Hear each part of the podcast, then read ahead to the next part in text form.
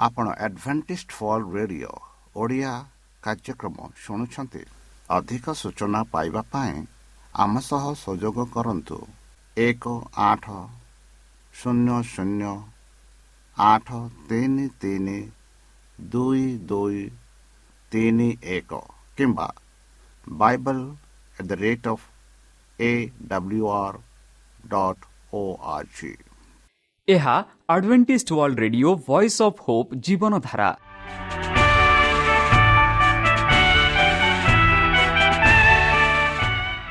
Odia radio କାର୍ଯ୍ୟକ୍ରମ ଯାହା ଆମର ଆନ୍ତର୍ଜାତୀୟ ଆଘାତ କେନ୍ଦ୍ରରୁ ପ୍ରସାରଣ କରାଯାଉଛି ପ୍ରତିଦିନ ରାତି ନଅଟା ତିରିଶ ମିନିଟ୍ରେ। ମୁଁ ସୁବ୍ରତ କୁମାର ପତି ପ୍ରେମର ସହ ଆପଣମାନଙ୍କୁ ଏହି କାର୍ଯ୍ୟକ୍ରମକୁ ସ୍ୱାଗତ କରୁଅଛି। ଚାଲନ୍ତୁ ଆଜିର ତିରିଶ ମିନିଟ୍ର କାର୍ଯ୍ୟକ୍ରମ ବିଷୟରେ ଜାଣିନେବା। ପ୍ରଥମେ ରଖିଛୁ ଆଧ୍ୟାତ୍ମିକ ଭକ୍ତିମୟ ଗୀତ। ଏହାପରେ ଶୁଣିବା ସ୍ୱାସ୍ଥ୍ୟ ବିଷୟରେ ଯାହା ଆମର ଦୈନିକ ଜୀବନରେ ଅତ୍ୟନ୍ତ ଜରୁରୀ। ଆଉ ପରିଶେଷରେ ଶୁଣିବା ପରମେଶ୍ୱରଙ୍କ ଭକ୍ତଙ୍କଠାରୁ ଜୀବନଦାୟକ ଈଶ୍ୱରଙ୍କ ବାକ୍ୟ। ପ୍ରିୟ ଶ୍ରୋତା ତାହେଲେ ଚାଲନ୍ତୁ ଶୁଣିବା ଏକ ଆଧ୍ୟାତ୍ମିକ ଭକ୍ତିମୟ ଗୀତ।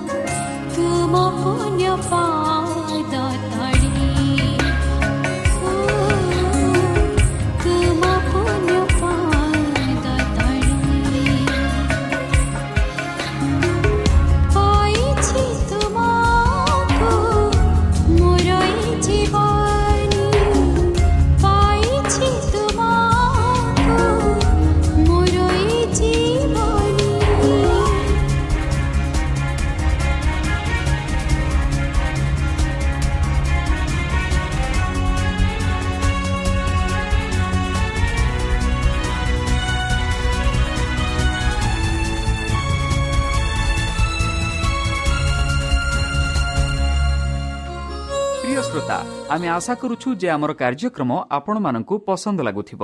ଆପଣଙ୍କର ମତାମତ ଜଣାଇବା ପାଇଁ ଆମର ଏହି ଠିକଣାରେ ଯୋଗାଯୋଗ କରନ୍ତୁ। ଆମ ଠିକଣା Adventist media centre SDA mission compound Salisbury park Pune ଚାରି ଏକ ଏକ ଶୂନ ତିନି ସାତ ମହାରାଷ୍ଟ୍ର। ବା ଖୋଲନ୍ତୁ ଆମର ୱେବସାଇଟ୍ ଯେକୌଣସି Android phone smartphone desktop laptop କିମ୍ବା ଟ୍ୟାବ୍ଲେଟ୍। ଆମର ୱେବସାଇଟ୍ ଓ ଆର୍ ଆଇ ଏବଂ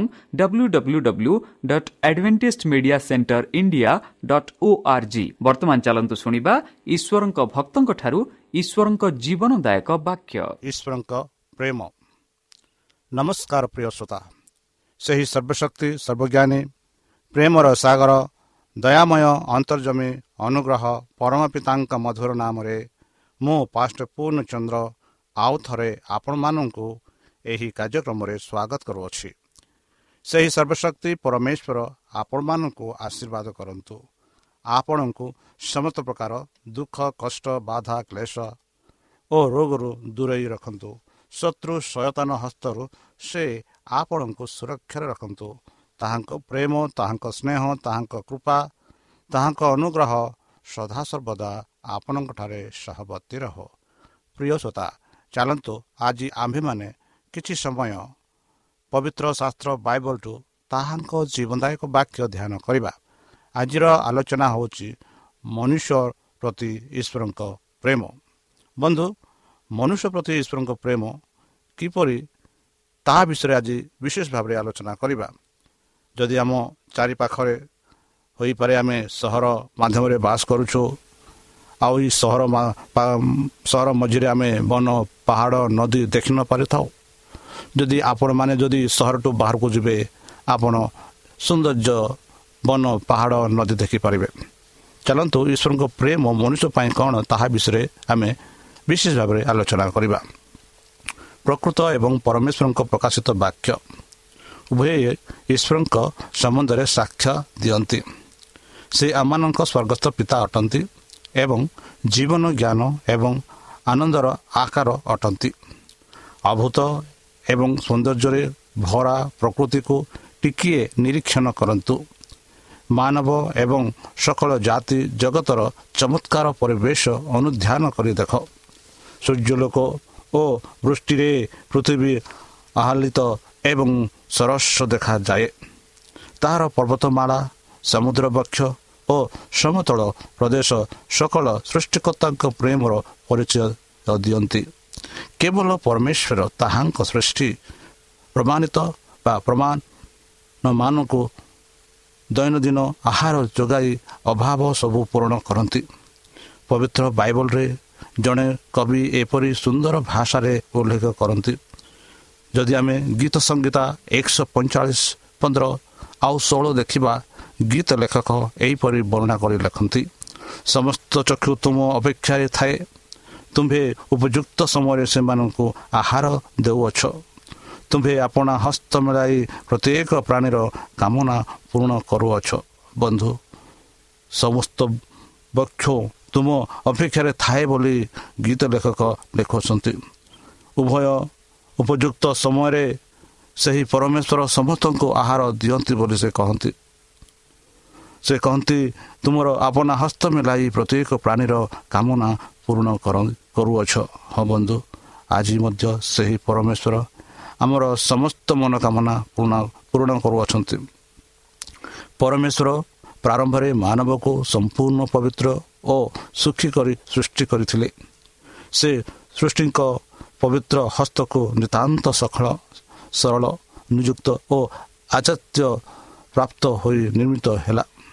କିନ୍ତୁ ମାନବ ପିତା ପରମେଶ୍ୱର ପ୍ରେମ ବ୍ୟବସ୍ଥା ଲଙ୍ଘନ କରି ପରିମାଣ ଦୁଃଖ କ୍ଲେଶ ଓ ମରଣକୁ ବରଣ କଲା। ପାପି ହେଲେ ସୁଦ୍ଧା ମାନବ ପ୍ରତି ଈଶ୍ୱରଙ୍କ ପ୍ରେମ ପ୍ରକାଶିତ ହୁଏ। ପବିତ୍ର ବାଇବଲ କୁହେ ଏହିପରି ଆଦି ତିନି ସତ୍ରରେ ପରମେଶ୍ୱର ମନୁଷ୍ୟ ହେତୁ ଭୂମିରୁ ଭୂମିକୁ ଅଭିଶାପ ଦେଲେ। ବନ୍ଧୁ କ ଓ କୋଚରା ଦୁଃଖ କ୍ଲେଶ ପରିଶ୍ରମ ଓ ଚିନ୍ତା ମାନବର ପତନର ପରିଣାମ ହେଲା ସୁଦ୍ଧା ତାହା ସବୁ ମାନବର ପ୍ରଶିକ୍ଷଣ ଓ ପରମେଶ୍ୱରଙ୍କ ଆଡ଼କୁ ଆକର୍ଷିତ କରିବା ନିମନ୍ତେ ଉପାୟ ଅଟେ। ଜଗତ ପରି ହେଲେ ସୁଦ୍ଧା ସକଳ ଦୁଃଖ କଷ୍ଟ ନିତାନ୍ତ କ୍ଲେଶଜନକ ନୁହେଁ। ପ୍ରକୃତିରେ ଭରସା ଓ ସ୍ୱାନ୍ତନର ସମ୍ବାଦ ସନ୍ନିବେଶ କରି ରହିଛି। କବନ ସହିତ ମନୋହର ପୁଷ୍ପ ସଂଯୁକ୍ତ ରହିଛି କଲତା ସଙ୍ଗେ ଗୋଲାପ ଫୁଲ ଶୋଭା ପାଏ ବନ୍ଧୁ ପ୍ରେମ ପରମେଶ୍ୱରଙ୍କ ପ୍ରେମ ସ୍ୱରୂପ ଅଟନ୍ତି। ପରମେଶ୍ୱର ପ୍ରେମ ସ୍ୱରୂପ ଅଟନ୍ତି। ତାହା ପ୍ରତ୍ୟେକ ସୃଷ୍ଟ ତୃଣ ଉପରେ ଲିଖିତ ହୋଇଅଛି। ମନୋହର ପକ୍ଷୀଗଣ ବାୟୁମଣ୍ଡଳକୁ ସୁମଧୁର ରାବରେ ଭରି ଦେଇଥାଏ। ବିଭିନ୍ନ କମନୀୟ ପୁଷ୍ପରଣୀ ବାୟୁକୁ ସୁଭାଷିତ ବାସନାରେ ମହକାଇ ଦେଇଥାନ୍ତି। ବନ ପର୍ବତରେ ତୁଙ୍ଗ ବୃକ୍ଷମାଲା ସବୁଜ ଶାଖା ପ୍ରଶାଖାରେ ଶୋଭା ପାଉଅଛି। ଏସବୁ ପିତା ପରମେଶ୍ୱରଙ୍କ ପ୍ରେମର ପରିଚୟ ନୁହେଁ କି ବନ୍ଧୁ? ଏବଂ ତାହା ସବୁ ତାଙ୍କର ସନ୍ତାନଗଣଙ୍କ ମନରେ ଆହ୍ୱାନ ସୃଷ୍ଟି କରେ ନାହିଁ କି ବନ୍ଧୁ? ପବିତ୍ର ଈଶ୍ୱରଙ୍କ ବାକ୍ୟ ବାଇବଲ ତାହାଙ୍କ ଚରିତ୍ରର ପରିଚୟ ଦିଏ। ପରମେଶ୍ୱର ସ୍ୱୟଂ ତାହାଙ୍କ ମହାନ ପ୍ରେମ ଓ ଦୟାର ପରିଚୟ ଦେଇଅଛନ୍ତି ଜଣେ ତାହାଙ୍କୁ ଭକ୍ତ ଏବଂ ଭାବବାଦୀ ମଶା ଏପରି ପ୍ରାର୍ଥନା କର କହିଲେ ବିନୟ କରୁଅଛି ତୁମ୍ଭେ ମୋତେ ଆପଣା ମହିମା ଦେଖାଅ। ସେ କଲେ ଆମେ ତୁମ ସମ୍ମୁଖ ସେ କହିଲେ ଆମେ ତୁମ ସମ୍ମୁଖ ଦେଇ ଆପଣାର ସମସ୍ତ ଉତ୍ତମତା ଗମନ କରାଇବା। ତୁମ୍ଭ ସମ୍ମୁଖରେ ସଦା ପ୍ରଭୁଙ୍କ ନାମ ଘୋଷଣା କରିବା। ଆମ୍ଭେ ଯାହାକୁ ଅନୁଗ୍ରହ କରୁ ତାହାକୁ ଅନୁଗ୍ରହ କରିବା ଓ ଯାହାକୁ ଦୟା କରୁ ତାହାକୁ ଦୟା କରିବା। ଏହିପରି ଯାତ୍ରା ପୁସ୍ତକ ତେତିଶ ଅଠର ଉଣେଇଶରେ ଆମେ ପାଉଅଛୁ। ବନ୍ଧୁ ଆଉ ସଦାପ୍ରଭୁ ତାହାଙ୍କ ସମ୍ମୁଖ ଦେଇ ଗମନ କରି ଏହା ଘୋଷଣା କଲେ ସଦାପ୍ରଭୁ ପରମେଶ୍ୱର ସ୍ନେହଶୀଳ ଓ କୃପାମୟ କ୍ରୋଧରେ ଦୟା ଓ ସତ୍ୟତାରେ ପରିପୂର୍ଣ୍ଣ ସହସ୍ର ସହସ୍ର ପୁରୁଷ ପର୍ଯ୍ୟନ୍ତ ଦୟା ରକ୍ଷାକାରୀ ଅପରାଧ ଓ ଆଜ୍ଞା ଲଙ୍ଘନ ଓ ପାପ କ୍ଷମାକାରୀ ତଥାପି ନିତାନ୍ତ ତହିଁର ଦଣ୍ଡଦାତା ତୃତୀୟ ଚତୁର୍ଥ ପୁରୁଷ ପର୍ଯ୍ୟନ୍ତ ପୁତ୍ର ପୁତ୍ରାଦି ଉପରେ ପିତୃଗଣର ଅପରାଧର ପ୍ରତିଫଳତା ଦାତା ଏହିପରି ଯାତ୍ରା ପୁସ୍ତକ ଚଉତିରିଶ ଛଅ ସାତରେ ଆମେ ପାଉଅଛୁ ବନ୍ଧୁ ଯଦି ଆମେ ଜୁନଶ ଚାରି ଦୁଇ ଦେଖିବା ତୁମେ ଯେ କୃପାମୟ ସ୍ନେହଶୀଳ କ୍ରୋଧରେ ଧୀର ଓ ଦୟାରେ ମହାନ ବୋଲି ଜୁନସ ଭବିଷ୍ୟତ ଭକ୍ତା କହନ୍ତି। ସେହିପରି ମିକା ଭବିଷ୍ୟତ ଭକ୍ତା ସାତ ଅଠରରେ କହନ୍ତି କାରଣ ସେ ଦୟାରେ ସନ୍ତୁଷ୍ଟ ଅଟନ୍ତି। ବନ୍ଧୁ ସ୍ୱର୍ଗ ବିଶ୍ୱମଣ୍ଡଳ ଅଗଣ୍ୟ ଚିହ୍ନ ଓ ଲକ୍ଷଣ ଯୋଗେ ପରମେଶ୍ୱର ଆମମାନଙ୍କ ହୃଦୟକୁ ଆବଦ୍ଧ କରିଅଛନ୍ତି। ପାର୍ଥିବ ବନ୍ଧନରେ ଆବଦ୍ଧ ହେଲେ ସୁଦ୍ଧା ପ୍ରକୃତିର ସକଳ ବସ୍ତୁ ଦେଇ ଓ ନାନାବିଧ କୋମଳ ପାର୍ଥିବ ବନ୍ଧନ ସ୍ୱତେ ପରମେଶ୍ୱର ଆପଣାକୁ ଆମମାନଙ୍କୁ ନିକଟରେ ପ୍ରକାଶ କରିବାକୁ ଅନ୍ୱେଷଣ କରିଅଛନ୍ତି। ଏହିସବୁ ଦେଇ ତାହାଙ୍କ ମହାନ ପ୍ରେମର କୃତୁକୁ ସାକ୍ଷା ମାତ୍ର ଆମେମାନେ ପାଇଥାଉ। ଏହିସବୁ ପ୍ରେମର ଦୃଶ୍ୟ ସାକ୍ଷା ସତେ ସକଳ ଉତ୍ତମତାରେ ଶତ୍ରୁ ମନୁଷ୍ୟମାନଙ୍କ ଅନ୍ତଃକରଣକୁ ଜଡ଼ ଏବଂ ଅନ୍ଧ କରି ଦେଇଥାଏ। ସେମାନେ ଈଶ୍ୱରଙ୍କ ଭୟ ଦୃଷ୍ଟିରେ ଦେଖନ୍ତି। ଆଉ ପ୍ରେମମୟ ପିତାଙ୍କୁ ଜଣେ କଠୋର ଓ କ୍ଷମାହୀନ ବ୍ୟକ୍ତି ବୋଲି କହିଥାନ୍ତି। ସକଳ ଉତ୍ତମତା ଓ ଈଶ୍ୱରଙ୍କ ଶତ୍ରୁ ପାପାତ୍ମା ସୈତାନ କେବଳ ସୈତାନ ପିତା ଈଶ୍ୱରଙ୍କୁ ଜଣେ କଠୋର ଶାସକ ବୋଲି ଦର୍ଶାଇଥାଏ। ଆଉ ତାହାଙ୍କୁ ଜଣେ ଦୃଢ଼ ନିର୍ଦ୍ଦୟ ଶାସକ ଓ କୃପଣ ମହାଜନ ବୋଲି ଦେଖାଇଥାନ୍ତି। ଶୈତାନ ସର୍ବଦା ହିଂସକ ଚକ୍ଷୁରେ ମନୁଷ୍ୟର ଭଲ ଅନୁସନ୍ଧାନ କରିବାକୁ ଈଶ୍ୱର ତତ୍ପର ଅଟନ୍ତି ବୋଲି ଭ୍ରମ କଥା କହିଥାଏ। ଏଣୁ ଏହି ଭ୍ରମ ଏବଂ ଅନ୍ଧାରିଆ ଛାୟା ଦୂର କରି ଈଶ୍ୱର ମହାର ମହାନ ପ୍ରେମ ପ୍ରକାଶ କରିବା ଉଦ୍ଦେଶ୍ୟରେ ପରମେଶ୍ୱରଙ୍କ ପୁତ୍ର ଯୀଶୁଖ୍ରୀଷ୍ଟ ମହାନବ ମାଧ୍ୟମରେ ବାସ କରିବାକୁ ଅବତାର ଗ୍ରହଣ କରି ଆସିଲେ। ବନ୍ଧୁ ପରମେଶ୍ୱରଙ୍କ ପୁତ୍ର ସ୍ୱର୍ଗରୁ ଓହ୍ଲାଇ ଆସିଲେ। କେହି କେବେ ଈଶ୍ୱରଙ୍କୁ ଦେଖି ନାହିଁ ପିତା କୋଳସ୍ଥିତ ଆଦିତ୍ୟ ପୁତ୍ର ତାହାଙ୍କ ପ୍ରକାଶ କଲେ ଏହିପରି ଜୋହନ ଏକ ଅଠରରେ ଆମେ ପାଉଅଛୁ। ମୋହର ପିତାଙ୍କ କର୍ତ୍ତୃତ୍ୱ ସମସ୍ତ ବିଷୟ ମୋଠାରେ ସମର୍ପିତ ହୋଇଅଛି। ଆଉ ପୁତ୍ରଙ୍କୁ କେହି ଜାଣି ନାହିଁ କେବଳ ପିତା ଜାଣନ୍ତି ପୁଣି ପିତାଙ୍କୁ କେହି ଜାଣି ନାହିଁ କେବଳ ପୁତ୍ର ଜାଣନ୍ତି। ଆଉ ପୁତ୍ର ଯାହା ନିକଟରେ ତାହାଙ୍କୁ ପ୍ରକାଶ କରିବାକୁ ଇଚ୍ଛା କରନ୍ତି ସେ କରେ। ସେ ଜାଣେ ମାଥ୍ୟୁ ଏଗାର ସତେଇଶରେ ଆମେ ଦେଖୁଛୁ ଏହିପରି ବନ୍ଧୁ ଥରେ ଯୀଶୁଙ୍କ ଜଣେ ଶିଷ୍ୟ ନିବେଦନ କରି କହିଲେ ପ୍ରଭୁ ପିତାଙ୍କୁ ଆମ ଆମମାନଙ୍କୁ ଦେଖାନ୍ତୁ ଯୀଶୁ ଉତ୍ତର ଦେଇ କହିଲେ ହେ ଫିଲିପ୍ସ ଏତେ କାଳ ମୁଁ ତୁମମାନଙ୍କ ସଙ୍ଗରେ ଅଛି ଆଉ ତୁମେ କ'ଣ ମୋତେ ଜାଣିନାହଁ? ଯେ ମୋତେ ଦର୍ଶନ କରିଅଛି ସେ ପିତାଙ୍କୁ ଦର୍ଶନ କରିଅଛି। ଆମମାନଙ୍କୁ ପିତାଙ୍କୁ ଦର୍ଶନ କରାନ୍ତୁ ବୋଲି ତୁମେ କିପରି କହୁଅଛ? ଏହିପରି ଫିଲିପ୍ସକୁ ଯୀଶୁଖ୍ରୀଷ୍ଟ କହିଥିଲେ ଯାହାକି ଆମେ ଜହନ ଚଉଦ ଆଠ ନରେ ପାଉଅଛୁ। ତାହାଙ୍କ ଜାଗତିକ କର୍ମ ଅଭିପ୍ରାୟ ସମ୍ବନ୍ଧରେ ଯୀଶୁ କହିଲେ ମହାପ୍ରଭୁଙ୍କ ଆତ୍ମା ମୋ ଠାରେ ଅଧିଷ୍ଠିତ। ଯେନ ଦିନହୀନମାନଙ୍କ ନିକଟରେ ସୁସମାଚାର ପ୍ରଚାର କରିବା ନିମନ୍ତେ ସେ ମୋର ମୋତେ ଅଭିଷକ୍ତ କରିଅଛନ୍ତି।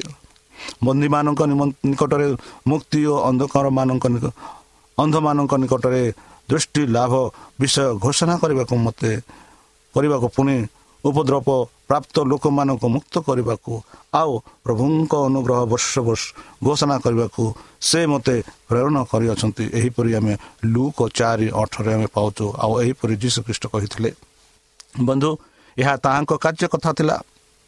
ସେ ଚତୁର୍ଥ ଦିଗରେ ଉତ୍ତମତା କାର୍ଯ୍ୟ କରି ବୁଲିଲେ।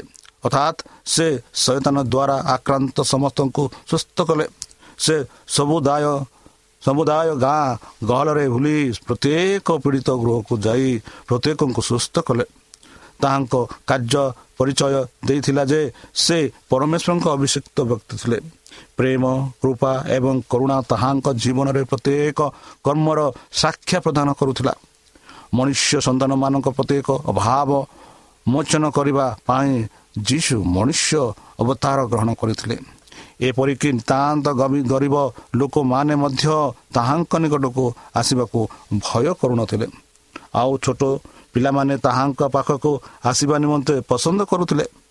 ସେମାନେ ତାହାଙ୍କ ଆଣ୍ଟୁ ଉପରେ କୁଦା ମାରି ଉପରକୁ ଉଠି ତାହାଙ୍କ ସୁନ୍ଦର କରୁଣ ଚିନ୍ତାଶୀଳ ହିତକାରୀ ମୁଖ ଦେଖିବାକୁ ଭଲ ପାଉଥିଲେ। ବନ୍ଧୁ ଯୀଶୁଖ୍ରୀଷ୍ଟ ସତ୍ୟକୁ ଗୁଡ଼ାଇ ରଖୁନଥିଲେ। କିନ୍ତୁ ତାହା ସେ ପ୍ରେମରେ ପ୍ରକାଶ କରୁଥିଲେ। ଲୋକମାନଙ୍କ ସହ କଥୋପଥକନ କରିବା ସମୟରେ ସେ ଖୁବ୍ ଚତୁର୍ଜ ସହକାରେ ସେମାନଙ୍କ ଦୃଷ୍ଟିକୋଣ ଆକର୍ଷଣ କରିଥିଲେ। ସେ ଅଭଦ୍ର ନଥିଲେ କିମ୍ବା ଅଯଥା କଟୁ କଥା କହୁ ନଥିଲେ କିମ୍ବା କାହାରି ବାଧିଲା ପରି କଥା କହୁନଥିଲେ ସେ ମନୁଷ୍ୟର ଦୁର୍ବଳତାକୁ କଦାପି ନିନ୍ଦା କରିନଥିଲେ ସେ ପ୍ରେମରେ କଥା କହିଲେ ଓ କପଟତା ଅବିଶ୍ୱାସ ଓ ପାପକୁ ପ୍ରକାଶରେ ନିନ୍ଦା କଲେ କିନ୍ତୁ ଏପରି ଭର୍ଜନା କଲାବେଳେ ତାହାଙ୍କ ଦୁଇ ଚକ୍ଷୁରୁ ଲୁତକ ଧାର ବହି ଯାଉଥିଲା ଏପରି ଲୁତକ ଚକ୍ଷୁରେ ସିରୁସାଲମ ନଗରୀକୁ ଚେତନାର ବାଣୀ ଶୁଣାଇଥିଲେ ସେ କ୍ରନ୍ଦନ କରିଥିଲେ କାରଣ ସେ ଏହି ନଗରକୁ ପ୍ରେମ କରୁଥିଲେ। ଏହି ମହାନଗରୀ ପଥ ସତ୍ୟତା ଓ ଜୀବନ ପନ୍ଥକୁ ନାସ୍ତି କରି ଗ୍ରହଣ କଲା ନାହିଁ। ଲୋକେ ଯୀଶୁଙ୍କୁ ଅବହେଳା କରି ନାସ୍ତି କଲେ ସୁଦ୍ଧା ତ୍ରାଣକର୍ତ୍ତା ରୂପେ ସେ ସେମାନଙ୍କ ପ୍ରତି କରୁଣାଯୁକ୍ତ ହୋଇ ସେମାନଙ୍କ ପ୍ରତି ଦୟା ପ୍ରକାଶ କରିଥିଲେ। ସ୍ୱାର୍ଥ ତ୍ୟାଗ ଓ ଅନ୍ୟମାନଙ୍କ ପ୍ରତି ଚିନ୍ତିତ ହେବା ତାହାଙ୍କ ଜୀବନର ଲକ୍ଷ୍ୟ ଥିଲା। ପ୍ରତ୍ୟେକ ଆତ୍ମା ତାହାଙ୍କ ଛାମୁରେ ମୂଲ୍ୟବାନ। ସେ ମାନବ ବେଶରେ ଈଶ୍ୱର ଥିଲେ ଯେ ଏବଂ ଈଶ୍ୱରଙ୍କ ପରିବାରର ପ୍ରତ୍ୟେକ ପ୍ରତି ଅତ୍ୟନ୍ତ ସଦୟ ବ୍ୟବହାର କରିଥିଲେ। ପ୍ରତ୍ୟେକ ମନୁଷ୍ୟଠାରେ ତାହାର ପ୍ରତି ଅବସ୍ଥା ସେ ଦେଖିଲେ ଓ ତାହାକୁ ରକ୍ଷା କରିବା ତାହାଙ୍କ ମାନତ ଅବତାରରେ ଅଭିପ୍ରାୟ ଥିଲା। କୃଷ୍ଣଙ୍କ ଏହିପରି ଚରିତ୍ର ତାହାଙ୍କ ଜୀବନରେ ଦେଖି ଦେଖାଯାଇଥିଲା।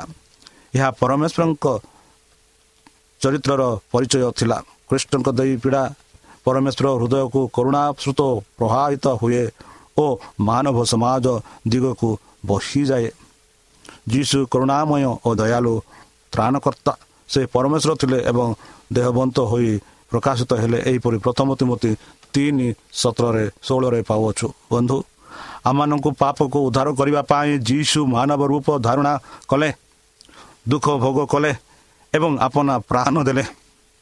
ସେ ଯେ ଦୁଃଖୀ ମନୁଷ୍ୟ ହେଲେ ଯେପରି ଆମେମାନେ ଅନନ୍ତ ଆନନ୍ଦର ସହଭାଗୀ ହୋଇପାରିବା। ପରମେଶ୍ୱରଙ୍କ ଏକମାତ୍ର ପୁତ୍ର ଯେ ଅନୁଗ୍ରହ ଓ ସତ୍ୟତାର ପୂର୍ଣ୍ଣ ତାହାକୁ ସେ ବର୍ଣ୍ଣନାୟିତ ଗୌରବମୟ ଜଗତକୁ ପାପିଷ୍ଟମାନ ମରଣଶୀଳ ଓ ଅଭିଶପ୍ତ ଇହ ଜଗତକୁ ଆସିବାକୁ ଅନୁମତି ଦେଲେ। ପିତାଙ୍କ ପ୍ରେମ କୋଳ ଓ ଦୂତଗଣଙ୍କର ସମ୍ଭ୍ରମ ପରିତ୍ୟାଗ କରି ଲଜ୍ଜା ଅପମାନ ନିନ୍ଦା ଓ ମରଣ କରୁଣ ମରଣକୁ ମରଣ କରିବା ନିମନ୍ତେ ସେ ଅନୁମତି ଦେଇଥିଲେ। ମାତ୍ର ସେ ଆମମାନଙ୍କ ଧର୍ମ ନିମନ୍ତେ କ୍ଷତ ବିକ୍ଷତ ହେଲେ ଓ ଆମମାନଙ୍କର ଅପରାଧ ନିମନ୍ତେ ଚୂର୍ଣ୍ଣ ହେଲେ ଆମମାନଙ୍କର ଶାନ୍ତିଜନକ ଶାସ୍ତି ତାହାଙ୍କ ଉପରେ ବାଲ୍ୟ ଓ ତାହାଙ୍କ ପ୍ରହାରରେ ଆମମାନେ ସୁସ୍ଥ ହେଲୁ ଏହିପରି ବିଷୟ ତେବନ ପାଞ୍ଚରେ ଆମେ ପାଉଛୁ ବନ୍ଧୁ ତାହାଙ୍କୁ ନିର୍ଜନ ପ୍ରାନ୍ତରେ ଗେତ୍ସେମାନେ ବଗିଚାରେ ଏବଂ କୃଷ ଉପରେ ଦେଖ ଈଶ୍ୱରଙ୍କ ନିର୍ଦ୍ଦୋଷ ପୁତ୍ର ଆପଣା ଉପରେ ପାପ ଭାର ଗ୍ରହଣ କଲେ। ସେ ପିତାଙ୍କ ସମତଳ ଥିଲେ ଏବଂ ଆପଣା ଆତ୍ମାରେ ସ୍ୱୟଂ ଅନୁଭବ କଲେ। ପାପ ଯୋଗୁଁ ମାନବ ଓ ପରମେଶ୍ୱରଙ୍କ ମଧ୍ୟରେ ଗୁରୁତ୍ୱ ବିଚ୍ଛେଦ ଘଟିଲା। ତାହାଙ୍କ ମୁଖରେ ସେ ଏହି ବାଣୀ ଉଚ୍ଚାରଣ କଲେ ହେ ମୋର ଈଶ୍ୱର ହେ ମୋର ଈଶ୍ୱର ତୁମେ ମୋତେ କାହିଁକି ପରିତ୍ୟାଗ କଲ? ପଢ଼ନ୍ତୁ ମାଥ୍ୟୁ ସତେଇଶ ଛୟାଳିଶ। ତାହା ଥିଲା ପାପର ଭୋଜ। ଓ ଆତ୍ମାରେ ପିତାଙ୍କ ଠାରୁ ପୃଥକତା ଈଶ୍ୱରଙ୍କ ପୁତ୍ରଙ୍କ ହୃଦୟକୁ ବିଚ୍ଛିନ୍ନ କରିଥିଲା। ବନ୍ଧୁ ଏହା ଉଦ୍ଦେଶ୍ୟ ନୁହେଁ ଯେ ସେ ପିତାଙ୍କ ହୃଦୟରେ ମାନବ ନିମନ୍ତେ ଏକ କରୁଣାଭାବ ସ୍ତରରେ କରିବେ କିମ୍ବା ମାନବକୁ ସୁରକ୍ଷା କରିବା ନିମନ୍ତେ ୟୁକ କରିବେ। ଏପରି ନୁହେଁ କାରଣ ଈଶ୍ୱର ଜଗତକୁ ଏଡ଼େ ପ୍ରେମ କଲେ ଯେ ସେ ଆପନା ଆଦିତ୍ୟ ପୁତ୍ରକୁ ଦାନ କଲେ। ଯେପରି ଯେ କେହି ତାହାଙ୍କଠାରେ ବିଶ୍ୱାସ କରେ ସେ ବିନଷ୍ଟ ନ ହୋଇ ଅନନ୍ତ ଜୀବନ ପ୍ରାପ୍ତ ହୋଇପାଏ ଏହିପରି ଆମେ ଜହନ ତିନି ଷୋହଳରେ ପାଉଛୁ ବନ୍ଧୁ ପିତା ପରମେଶ୍ୱର ଆମମାନଙ୍କୁ ପ୍ରେମ କରନ୍ତି। ଏହା ତାହାଙ୍କର ମହାନ ବଳିଦାନ ହେତୁ ନୁହେଁ କିନ୍ତୁ ସେ ଆମମାନଙ୍କୁ ପ୍ରେମ କରିବା ଯୋଗୁଁ ଏହି ମହାନ ପରାଚିତ କରିବାକୁ ବାଧ୍ୟ ହେଲେ। କୃଷ୍ଣଙ୍କ ମାଧ୍ୟମରେ ସେ ତାହାଙ୍କର ମହାନ ଅସୀମ ପ୍ରେମ ଏହି ପତିତ ଜଗତରେ ଢାଲି ଦେଇଥିଲେ।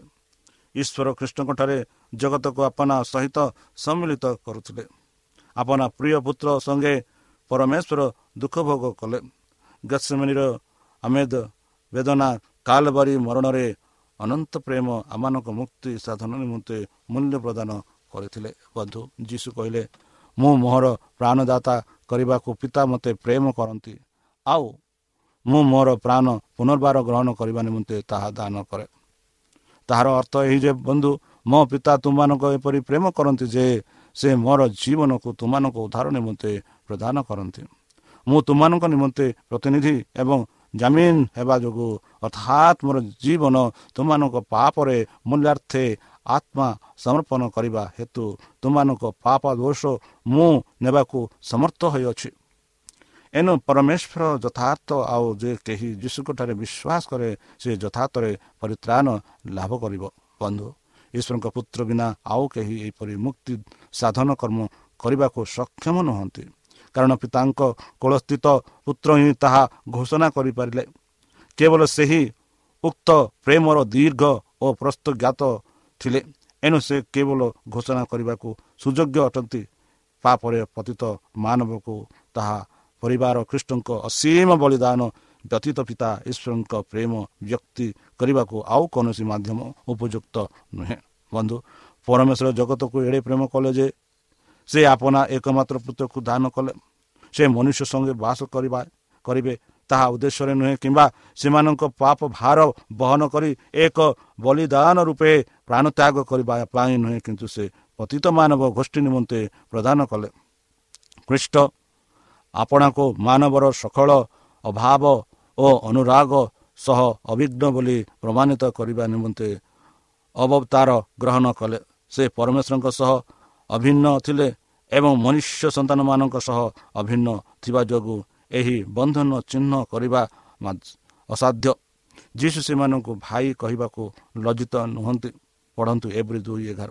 ସେ ଆମମାନଙ୍କ ବଳିଦାନ ଆମମାନଙ୍କ ବ୍ୟବସ୍ଥାପକ ଆମମାନଙ୍କର ଭାଇ ଓ ପିତାଙ୍କ ସିଂହାସନ ଠାରୁ ମାନବ ରୂପ ଗ୍ରହଣ କଲେ ଏବଂ ଅନନ୍ତକାଳ ପର୍ଯ୍ୟନ୍ତ ଉଦ୍ଧାରକର୍ତ୍ତା ମନୁଷ୍ୟ ରୂପ ପୁତ୍ର ରୂପେ ଥିଲେ। ଏହାର ପରିଣାମରେ ମାନବ ପାପରେ ପତିତ ଓ ଧ୍ୱଂସ ଅବସ୍ଥାରୁ ପରମେଶ୍ୱରଙ୍କ ପ୍ରେମ ପ୍ରତିବିମ୍ବିତ କରିପାରିବ ଏବଂ ପବିତ୍ରତା ଓ ଆନନ୍ଦର ସହଭାଗୀ ହେବ। ବନ୍ଧୁ ଆମମାନଙ୍କ ମୁକ୍ତି ନିମନ୍ତେ ପିତା ପରମେଶ୍ୱର ଆପନା ପୁତ୍ରକୁ ଆମମାନଙ୍କ ସକାଶେ ପ୍ରାଣଦାନ କରିବାକୁ ପ୍ରେରଣା କଲେ। ଏହା ତାହାର ମୂଲ୍ୟ କୃଷ୍ଣଙ୍କ ଦେଇ ଆମମାନଙ୍କ କିପରି ଉଦ୍କୃତ ହୋଇଅଛୁ ତାହା ବୁଝିପାରିବା।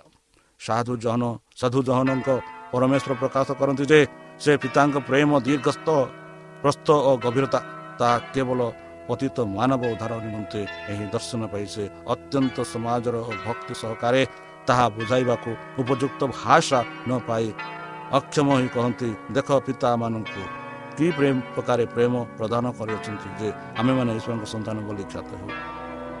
ପ୍ରଥମ ଜନ ତିନି ଏକ ବନ୍ଧୁ ଚାଲନ୍ତୁ।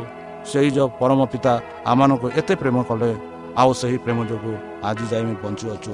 ସେହି ପ୍ରେମ ଯୋଗୁଁ ସେ ଏହି ପୃଥିବୀକୁ ଆସିଲେ ଆଉ ଆମମାନଙ୍କ ପାଇଁ ମରଣ ହେଲେ ଯେପରିକି ତାଙ୍କ ମରଣ ଦ୍ୱାରା ଆମେ ଅନନ୍ତ ଜୀବନ ପ୍ରାପ୍ତ ହୋଇପାରିବା।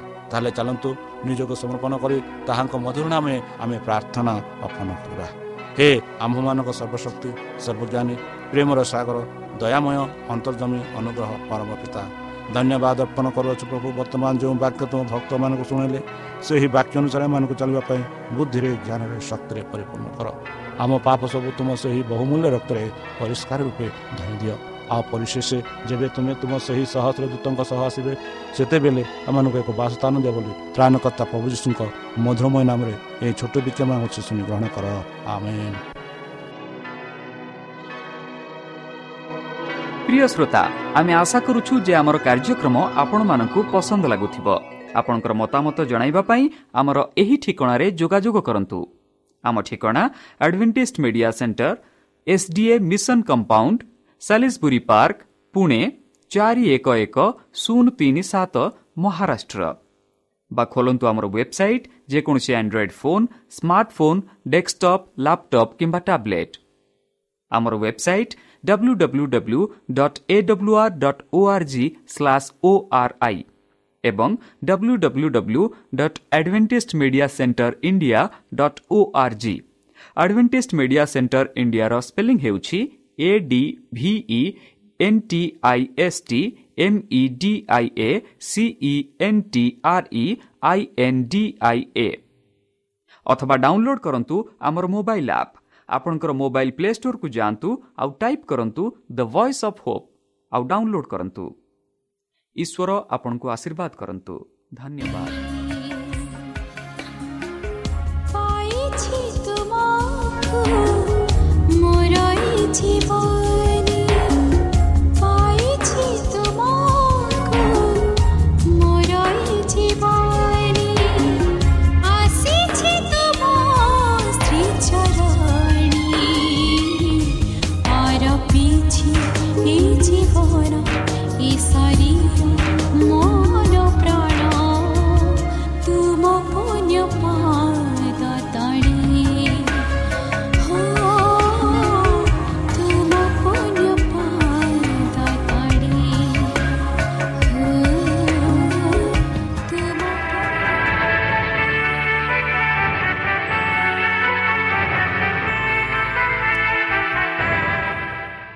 ଆପଣ ଆଡଭେଣ୍ଟିସ୍ଟ ଫଲ୍ ରେଡିଓ ଓଡ଼ିଆ କାର୍ଯ୍ୟକ୍ରମ ଶୁଣୁଛନ୍ତି ଅଧିକ ସୂଚନା ପାଇବା ପାଇଁ ଆମ ସହ ସଂଯୋଗ କରନ୍ତୁ।